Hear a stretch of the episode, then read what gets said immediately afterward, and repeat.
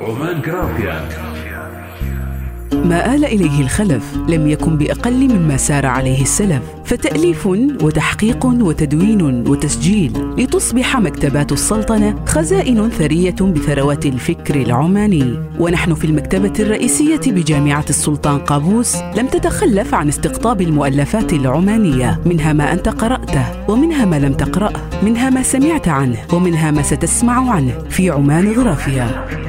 عمان غرافيا برنامج يومي بالتعاون مع إذاعة هلا أف أم. نقف فيه أمام الرفوف مفتشين بين جنبات الكنوز عن مؤلفات عمانية. نسردها على مسامعكم.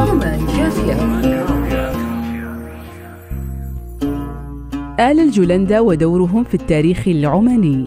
مريم بنت سعيد البرطمانية. شكل وصول مالك بن فهم إلى عمان بداية مرحلة مفصلية في التاريخ العماني. وما تبع ذلك من أحداث وصراع مع الفرس. ومع رسوخ نظام الحكم وثبات عناصره انتقلت مقاليد الحكم إلى أسرة عربية أخرى هم آل الجولندا والذي ظلوا ملوكا حتى مبعث الرسول محمد صلى الله عليه وسلم. بل إنه عليه الصلاة والسلام قد أقر عبد وجيفر على ملكهما.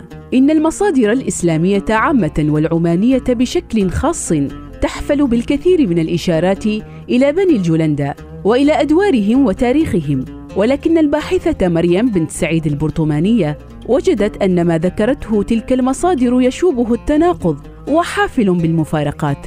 لذلك ارتأت الباحثة أن تسلط الضوء على آل الجولندا قبل الإسلام وحتى القرن الثالث الهجري.